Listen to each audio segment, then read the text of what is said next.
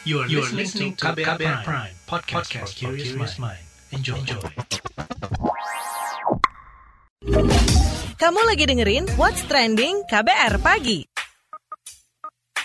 KBR Pagi siaran pagi radio paling update. Selamat pagi. Ketemu lagi dengan saya Don Brady di What's Trending KBR Pagi pastinya di hari Rabu 26 Oktober 2022. Jadi nih ya, belakangan subvarian Omicron XBB itu telah terdeteksi di Indonesia. Kasus pertama merupakan transmisi lokal dengan gejala batuk, pilek, dan demam. Namun juru bicara COVID-19 Kementerian Kesehatan Muhammad Syahril mengatakan fatalitasnya tidak lebih parah dari varian Omicron. Nah, Direktur eh, ex-direktur penyakit menular Badan Kesehatan Dunia atau WHO Asia Tenggara Chandra Yoga Aditama menyoroti banyaknya varian COVID-19 yang semakin banyak, tapi uh, vaksinnya itu nggak update-update. Chandra menyarankan pemerintah untuk menggunakan vaksin bivalen untuk melawan varian baru Omikron yang bermunculan. Ex-direktur WHO Chandra Yoga mengungkapkan vaksin bivalen sudah digunakan di beberapa negara seperti Thailand, Singapura, dan juga Australia. Lebih lanjut, langsung saja kita bahas dan kita tanyakan bareng ex-direktur WHO penyakit menular Chandra Yoga. Pak Chandra, terkait usulan Anda agar Indonesia menggunakan vaksin bivalen untuk varian eh, XBB, bisa dijelaskan apa nih alasannya nih Pak? Seperti kita ketahui bahwa virus COVID ini dilaporkan pada Desember 2019. Kemudian pada Desember 2020, tahun kemudian begitu vaksinnya sudah diberikan kepada orang pertama yang dapat vaksin itu di Inggris pada waktu itu. Nah, vaksin itu dibuat pada tahun 2020. Tentu saja vaksin itu dibuat untuk varian-varian yang ada pada waktu itu. Utamanya adalah varian Wuhan. Dalam perjalanannya kemudian ada berbagai varian baru dan yang terakhir adalah varian Omicron. Kalau ada berbagai varian baru, maka ada perubahan dari virus itu sedikit banyak yang sebagian besar masih bisa ditanggulangi oleh vaksin yang dibuat pada tahun 2020 itu. Tetapi untuk varian Omicron ini makin agak berbeda begitu, makin berbeda dari varian sebelumnya. Karena itulah para ahli kemudian menyatakan bahwa kita membutuhkan sebenarnya kalau mau ideal vaksin yang perlu dimodifikasi untuk bisa menangani varian Omicron itu. Nah, karena itu akhirnya dibuatlah modifikasi vaksin, tidak bukan vaksin yang baru 100% tapi modifikasi di mana digabungkan antara vaksin yang bisa menangani varian yang awal dan vaksin yang bisa menangani varian Omicron. Nah, karena itu disebut dengan bivalent. B itu artinya dua, jadi bisa yang dulu bisa juga yang sekarang. Oke, apa artinya harus ganti semua vaksin yang ada selama ini? Apakah sama sekali nggak efektif lagi nih Pak? Tentu saja tidak begitu artinya. Ini kan tidak hitam putih ya. Jadi vaksin yang dulu juga masih dapat dipakai untuk melindungi terhadap varian Omikron, tapi efektivitasnya lebih kecil. Kita tahu bahwa pemberian vaksin itu kan diberikan untuk mencegah seseorang menjadi sakit atau menjadi sakit berat dengan persentase yang tertentu. Ada yang 50 persen, 60 persen, 70 persen, 80 persen. Pada waktu awal maka uh, efikasi vaksin itu cukup tinggi lah. Tapi dengan ada perubahan, efikasi vaksinnya masih ada tapi lebih kecil lagi. Nah, uh, bivalen ini kan selain untuk varian XBB bisa untuk varian lain juga nggak sih Pak? Terus produksi ketersediaan dan pasokannya bagaimana untuk uh, vaksin bivalen ini? Varian bivalen ini sebenarnya bukan untuk XBB, karena waktu varian bivalen yang dikeluarkan XBB-nya belum ada. XBB-nya kan baru ada belakangan. Varian bivalen sudah diperkenalkan beberapa bulan yang lalu untuk Omicron secara keseluruhan. Sudah tahu XBB ini adalah subvarian dari Omicron. Jadi varian bivalen ini tujuannya adalah untuk menangani Omicron dan juga varian-varian sebelum ini. Dan beberapa negara seperti saya sampaikan sudah memberikannya, baik negara-negara yang jauh, Amerika, Inggris begitu, dan bahkan juga negara yang dekat seperti Singapura sudah memberikannya. Itu kalau di selatan kita, ya Australia juga memberikannya. Jadi kalau berbagai negara bisa mendapatkan vaksin ini, vaksin bivalen itu, maka tentu kita juga mestinya bisa dapat kalau memang diupayakan untuk mendapatkannya. Lalu masyarakat yang sudah divaksinasi tiga dosis seperti apa? Apakah booster kedua atau uh, lanjutan?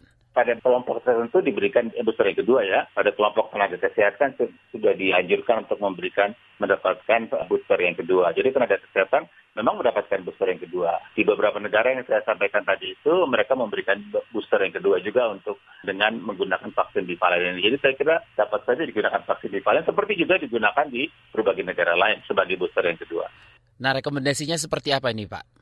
COVID-19 itu masih ada bersama-sama kita. Ya, dan itu ditandai dengan berbagai varian atau subvarian baru muncul dari waktu ke waktu. Yang sekarang ada adalah subvarian XBB. Beberapa hari yang lalu di Filipina sudah dilaporkan lagi yang namanya subvarian XBB. Jadi bukan tidak mungkin sudah XBB ini ada XBB. Tetapi adanya subvarian baru atau varian-varian baru itu merupakan bagian dari kehidupan virus. Gitu. Jadi mungkin saja memang ada varian baru dari waktu ke waktu, tapi sepanjang varian itu tidak lebih berat dari varian yang sebelumnya, atau tidak menimbulkan dampak yang lebih menyulitkan, maka kita harus hadapi bahwa, mungkin saja ada berbagai varian dari waktu ke waktu. Nah, untuk vaksinasi, sejauh ini memang karena vaksinasi COVID ini kan relatif baru. Biasanya vaksin itu ditemukan puluhan tahun sesudah virus atau bakteri ditemukan. Sementara vaksin COVID ditemukan setahun sudah virusnya ditemukan sehingga akhirnya ilmu pengetahuan masih terus berkembang. Sejauh ini memang dengan perkembangan yang ada sekarang ini sesudah katakanlah enam bulan begitu efikasi vaksin itu turun. Nah akhirnya vaksinasi mesti dibelikan lagi. Apakah nanti akan turun lagi kita belum tahu. Ini perkembangan ilmu masih berjalan terus. Jadi message-nya adalah varian baru mungkin akan muncul masih tetap bersama pandemi saat ini pandemi belum dicabut oleh dunia dan bagus terus kita memperhatikan atau memberi prioritas penting untuk melindungi supaya kita jangan uh, terkena sakit COVID-19 ini. Terima kasih Profesor Chandra, ex-direktur penyakit menular WHO. Kita bakal bahas ini lebih lanjut, tapi kita dengarkan dulu komentar warganet plus 62 berikut ini.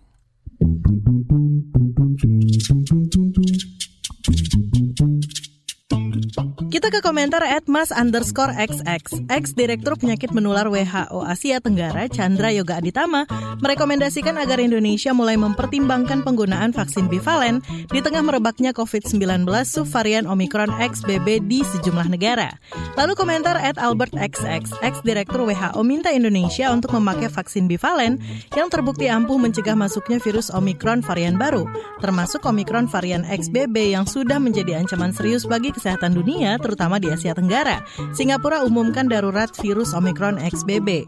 Ke komentar at Calves XX, di beberapa daerah stok vaksin lagi kosong. Saya beruntung sempat vaksin booster dua minggu sebelum kelangkaan terjadi. At akun underscore XX, nah loh, dari awal juga masalah vaksin jadi kontroversi dan sampai sekarang. Misal nih yang simpel aja, vaksin nggak diakui di luar negeri, nggak wajib tapi jadi syarat masuk mall tapi nggak efektif, syarat masuk kerja, syarat bepergian, dan bukan jaminan kebal COVID, dan sebagainya termasuk yang berbau bisnis. Komentar at DW underscore GXX, pendapat dokter soal perlu tidaknya vaksin bivalen menghadapi varian Omicron ini gimana? Dan terakhir at XX, tagar tangkal COVID dengan prokes, yuk vaksin demi kekebalan tubuh.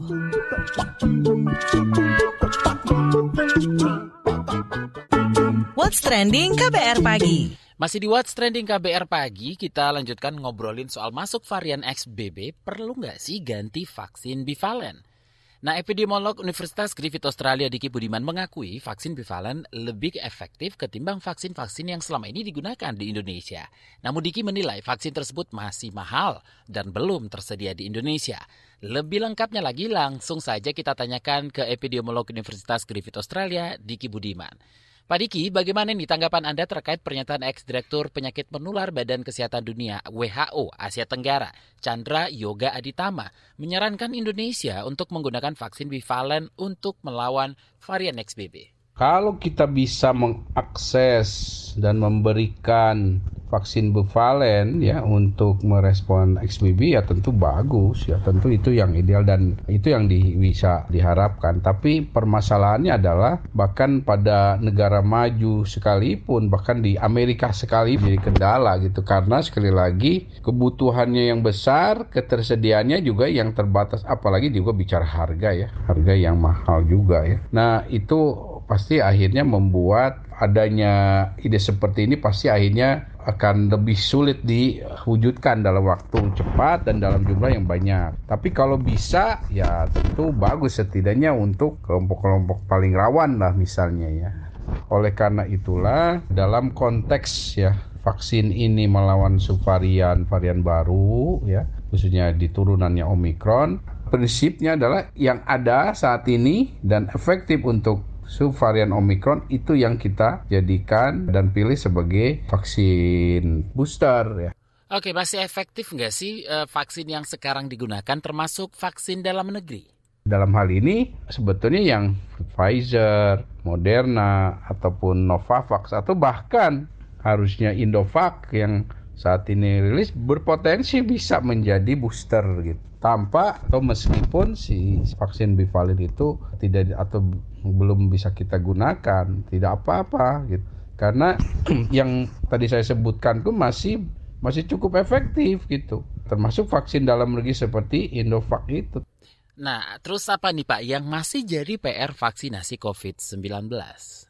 Tapi permasalahannya sekarang ketersediaan dari yang tadi masih efektif itu pun menjadi isu sekarang. Banyak sentra-sentra vaksin didatangi masyarakat nggak ada vaksinnya. Ini artinya ini berbahaya gitu. Artinya upaya kita meningkatkan cakupan proteksi ya imunitas ini dengan booster menjadi terkendala. Dan sekali lagi varian X, subvarian XBB ini nggak bisa dianggap enteng dalam potensinya terutama pada orang paling rawan gitu. Orang yang misalnya lansia dan harusnya di booster termasuk dia punya komorbid ya akhirnya bisa dirugikan gitu. Nah jadi itu ya sebetulnya kejar dengan yang ada saja selain tentu kita harus tetap terus membangun literasi bahwa di tengah situasi yang begitu rawan saat ini perilaku hidup bersih sehat literasi kesehatan ini harus meningkat Terima kasih epidemiolog Universitas Griffith Australia Diki Budiman. What's trending KBR pagi? Newsbeat. Fakta Pertahanan Atlantik Utara NATO peringatkan Iran untuk tidak membantu Rusia terkait perang dengan Ukraina. Selain Iran, Sekretaris Jenderal NATO Jens Stoltenberg turut memperingatkan seluruh negara di dunia untuk tidak mendukung langkah Rusia berperang dengan Ukraina. NATO menegaskan pihaknya terus memperhatikan pergerakan Iran, khususnya soal pengiriman drone dan rudal. Pernyataan ini dikeluarkan setelah Amerika Serikat mengaku punya bukti terkait penggunaan drone asal Iran oleh pihak Rusia. Menurut Sekretaris NATO, pemberian bantuan terhadap Rusia adalah pelanggaran resolusi Dewan Keamanan Perserikatan Bangsa-Bangsa PBB. Rishi Sunak resmi menjadi Perdana Menteri Inggris yang baru menggantikan Liz Truss. Sunak memenangkan posisi PM Inggris setelah menjadi satu-satunya rival dari Penny Mordaunt yang mengundurkan diri dari pencalonannya. Bahkan Boris Johnson yang sebelumnya mencalonkan diri sebagai PM Inggris juga mengundurkan diri. Sebelum menjabat PM Inggris, Sunak adalah Menteri Keuangan di era Boris Johnson. Sunak adalah salah satu menteri yang tersohor sebab dia menjadi menteri pertama yang mengundurkan diri lantaran banyaknya skandal dari pemerintahan Boris Johnson. Seorang miliarder di Ukraina ditahan atas tuduhan makar karena dianggap membantu Rusia selama perang. Media lokal memberitakan salah satu orang terkaya yang menjabat kepala kehormatan Motorich, yaitu pengusaha produsen mesin pesawat terbang dan helikopter, Boguslev ditahan karena membantu Rusia menguasai empat wilayah di Ukraina. Pihak keamanan di Ukraina juga memperingatkan soal sang miliarder yang pro terhadap Rusia.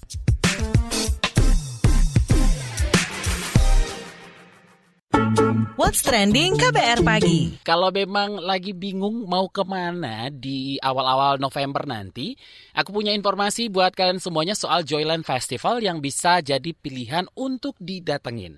Nah, jadi Joyland Festival ini adalah festival musik yang uh, kali ini bakal diadakan pada 6 hingga 4 hingga 6 November 2022 di Stadion Softball GBK Senayan. Acara ini uh, diadakan selama tiga hari dan bakal menampilkan live music, terus juga ada komedi, film, loka karya, dan kegiatan bersama dengan pasar di berbagai area di dalam venue.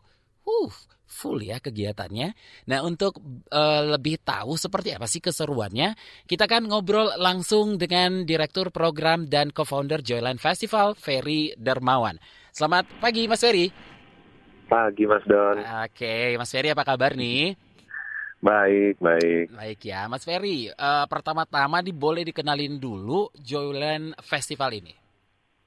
Iya, uh, Mas Don, Joyland Festival ini festival musik uh-huh. tapi juga di dalamnya tidak hanya musik sebenarnya karena ada juga um, area untuk performer dari stand up komedi hmm. juga ada area untuk pemutaran film jadi konsepnya outdoor cinema gitu um, lalu juga ada area untuk workshop dan activities gitu. Um, selain itu juga ada market dari produk-produk yang kita kurasi. Festivalnya tiga hari dan masing-masing um, area itu kita juga berkolaborasi. Misalkan untuk um, area stand komedi kami kolaborasi dengan Soleh Solihun untuk um, dia memilih gitu penampil selama tiga hari ini akan siapa aja. Um, lalu kayak di film juga seperti itu gitu um, kami kolaborasi dengan Kamila Andini untuk uh, kurasi film pendek yang akan ditampilkan kira-kira recapnya seperti itu. Waduh, seru banget. Jadi bukan hanya sekedar uh, festival musik aja nonton konser musik gitu ya, uh, Mas Ferry ya. Nah, Betul, kalau sejarahnya sendiri dari Joyland Festival ini sudah dari kapan sih ini uh, event seperti oh. ini dan awal mulanya seperti apa nih, Mas Ferry? Oke, okay, sebenarnya kita itu memulai edisi pertama itu di 2012, itu 10 tahun yang lalu. lalu uh, satu uh, dua edisi pertama 2012 dan 2013 lalu hmm. kami vakum. Uh, company kami lebih ke promotor apa uh, headline show atau show tunggal hmm. sampai akhirnya kita hidupin lagi itu di 2019 untuk kembali si Jalan Festival. Lalu 2020, 2021 pandemi kita uh, harus hold dulu. Yeah. Terus kemarin 2022 itu kami coba bikin Jalan Festival untuk edisi Bali di bulan Maret. Dan hmm. kebetulan itu juga jadi satu festival yang festival pertama um, di masa pandemi gitu mas. Oke, nah ini nih yang bikin penasaran di Mas Ferry. Line up-nya hmm. dong, siapa aja pengisinya nih? Oke, secara music line up kita ada 11 internasional performers. Oke. Okay. Dan juga kurang lebih ada 40 uh, apa lokal atau nasional performers. Itu kita coba um, formulasikan untuk um, mix dari genre dan um, apa ya um, ya juga generasinya kali ya kita nyampur karena sekarang um, kalau dari dua edisi terakhir um, audiens di Joyland Festival ini emang uh, berat apa dominan gitu di ya Gen Z. Oh, Oke. Okay. Uh, gitu. Nah, nah. Jadi mulai dari yang pop, um, uh, indie alternatif, um, rock, juga sampai ada satu penampil dari K-pop. Wow. Jadi uh, gitu, lumayan lengkap ya berarti ya. Nah tadi Mas uh, Ferry tadi sempat menyinggung di Maret kemarin berarti ya Joyland uh, ya. yang di Bali ya. Nah di jadi Uh, festival kali ini kan ya seperti kita ketahui juga perat, uh, diadakan setelah peraturan COVID itu dilonggarkan mm -hmm. gitu ya. Betul. Nah ada ketentuan gak nih Mas Ferry atau hal yang mesti diperhatikan oleh uh, para pendengar yang mau datang ke festival ini nanti? Oke. Okay um, seperti pengalaman dari uh, bulan Maret lalu, secara umum kita masih mengikuti protokol yang ditetapkan pemerintah, gitu. termasuk dari mulai pengurusan izin sampai uh, nanti apa protokol di menikmati festivalnya gitu ya. Hmm. Kayak mulai kita dari screening pertama itu dari pembeli tiket memang ada syarat vaksin yang harus ditentukan kalau memang belum vaksin atau tidak bisa vaksin ya belum bisa beli tiket kurang hmm. lebih seperti itu ntar di lokasi juga akan ada nah, apa panduannya um, seperti itu ya iya oke okay. Mas Ferry, ini masih ada beberapa pertanyaan yang pengen aku tanyakan, tapi okay. kita jeda dulu ya Mas Ferry ya, jangan ke mana-mana ya. Iya, Mas. What's Trending KBR Pagi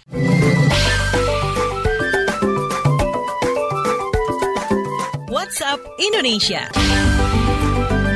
WhatsApp Indonesia dimulai dari Jakarta untuk menghindari kemacetan di ibu kota pejabat PJ Gubernur DKI Jakarta Heru Budi Hartono menyarankan penerapan bekerja dari rumah atau work from home atau WFH selama musim hujan. Hal ini disampaikan Heru usai apel gabungan penanganan kemacetan. Heru juga memerintahkan jajarannya untuk merilis informasi terkait titik-titik rawan kemacetan agar masyarakat khususnya pengguna jalan bisa menentukan jalur perjalanan dan membuat keputusan keputusan soal akan bekerja dari rumah atau dari kantor. Tak sekedar menanggulangi permasalahan kemacetan di Jakarta, Heru menilai penerapan bekerja dari rumah mampu menanggulangi dampak banjir secara cepat dan tepat. Selain menyarankan bekerja dari rumah, Heru berjanji akan membenahi dan meningkatkan layanan transportasi umum bagi masyarakat. Masih dari Jakarta, pemberitaan soal dugaan kekerasan seksual yang dilakukan oknum PNS kepada pegawai honorer Kementerian Koperasi dan UKM, Kemenkop UKM di tahun 2019 tengah menguat. Kementerian Koperasi dan Usaha Kecil dan Menengah Republik Indonesia, Kemenkop UKM mengklaim pihaknya mendukung proses penyelesaian yang seadil-adilnya bagi korban dan keluarga.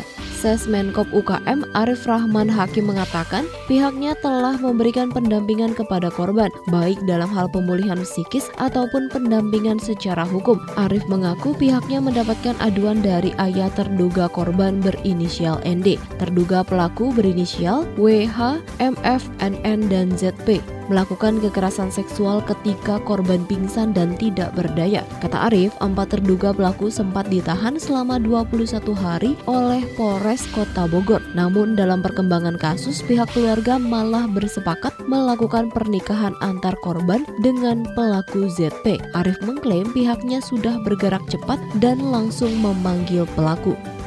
Terakhir mampir Papua, Komisi Nasional Hak Asasi Manusia Komnas HAM akan melibatkan masyarakat adat di Papua dalam pembahasan dialog damai untuk menyelesaikan konflik di bumi Cendrawasih. Pernyataan itu disampaikan Ketua Komnas HAM Ahmad Taufan Damanik saat pembukaan Kongres Masyarakat Adat Nusantara KMAN 6 di Sentani Kabupaten Jayapura, Papua awal pekan ini. Ahmad Taufan Damanik mengatakan, pembahasan dialog damai akan melibatkan sejumlah pihak di Papua dan pemerintah. Kata dia, pembahasan tahap ketiga, rencana dialog damai akan digelar pada Kamis 10 November 2022. Setelah itu, Komnas HAM akan melibatkan masyarakat adat untuk bersama membicarakan rencana mencari solusi damai di Papua. Ahmad Taufik Damanik mengatakan, gagasan dialog damai dipilih Komnas HAM sebab itu dianggap cara bermartabat untuk menyelesaikan kekerasan di Papua. Demikian WhatsApp Indonesia hari ini.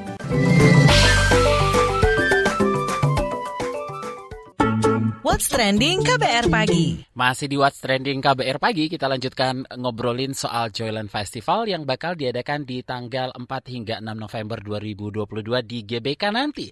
Dan kita masih bersama uh, Direktur Program dan Co-Founder Joyland Festival, Ferry Dermawan. Mas Ferry, masih penasaran soal line up-nya. Bener nggak sih ini nanti bakal ada Bruno Mars? Oh, um, tidak benar. Tapi ada satu uh, headliner kami asal uh, US, nah, itu nama panggungnya Thundercat. Thundercat. Dan dia memang okay. Thundercat. Mm-hmm. Dia musisi sekaligus produser, banyak um, kerja uh, untuk salah satunya Bruno Mars. oh.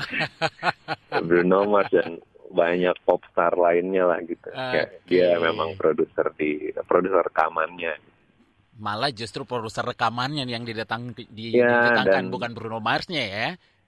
Iya dan hmm. dia punya punya apa uh, project solo, ya, ya. punya tiga album, dua album terakhirnya itu um, menang Grammy malah untuk best R&B album hmm. tahun 2020 yang terakhir. Betul, dia ada menang gitu. Best Rap Song 2016 dan juga uh, Best Progressive R&B Album 2020 ya di Grammy Betul. kemarin.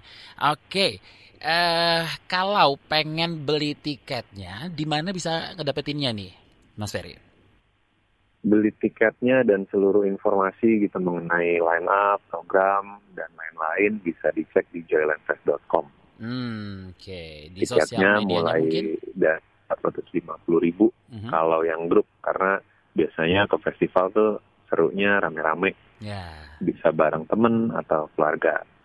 Kalau di soal sosial medianya mungkin boleh dimention, Mas Ferry? Oh, sosial medianya Instagram ada @joylandfest. Mm -hmm. um, Twitter juga seperti itu @joylandfest. Oke, terakhir Mas Ferry, kenapa sih kita harus datang ke Joyland Festival?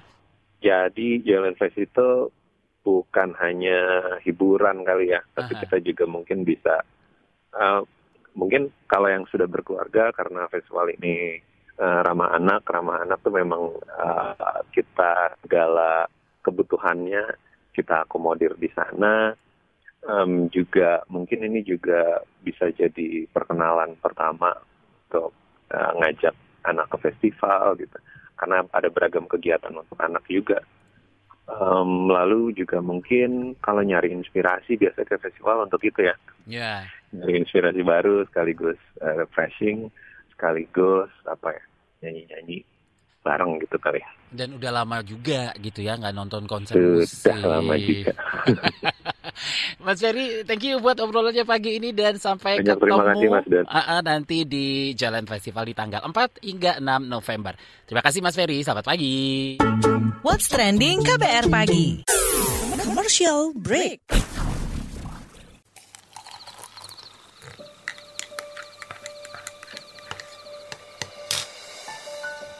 Hai, kamu apa kabar?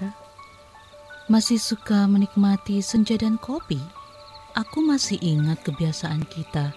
Sehabis pulang kerja, selalu mencari tempat untuk sekedar ngobrol dan ngopi. Tapi kadang kita kehabisan bahan obrolan. Aku masih melakukan hal yang sama sampai sekarang tanpa harus takut habis bahan buat ngobrol karena aku selalu mendengarkan KBR sore dari Senin sampai Jumat jam 4 sore. Ah, aku rindu. KBR Inspiratif Terpercaya.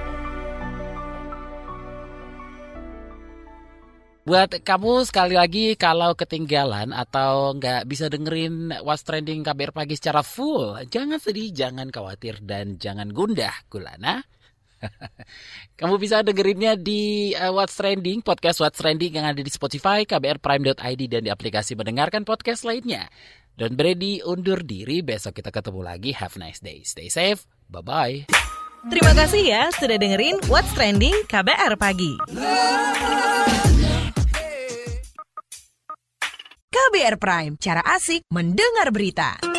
KBR Prime, podcast for curious mind.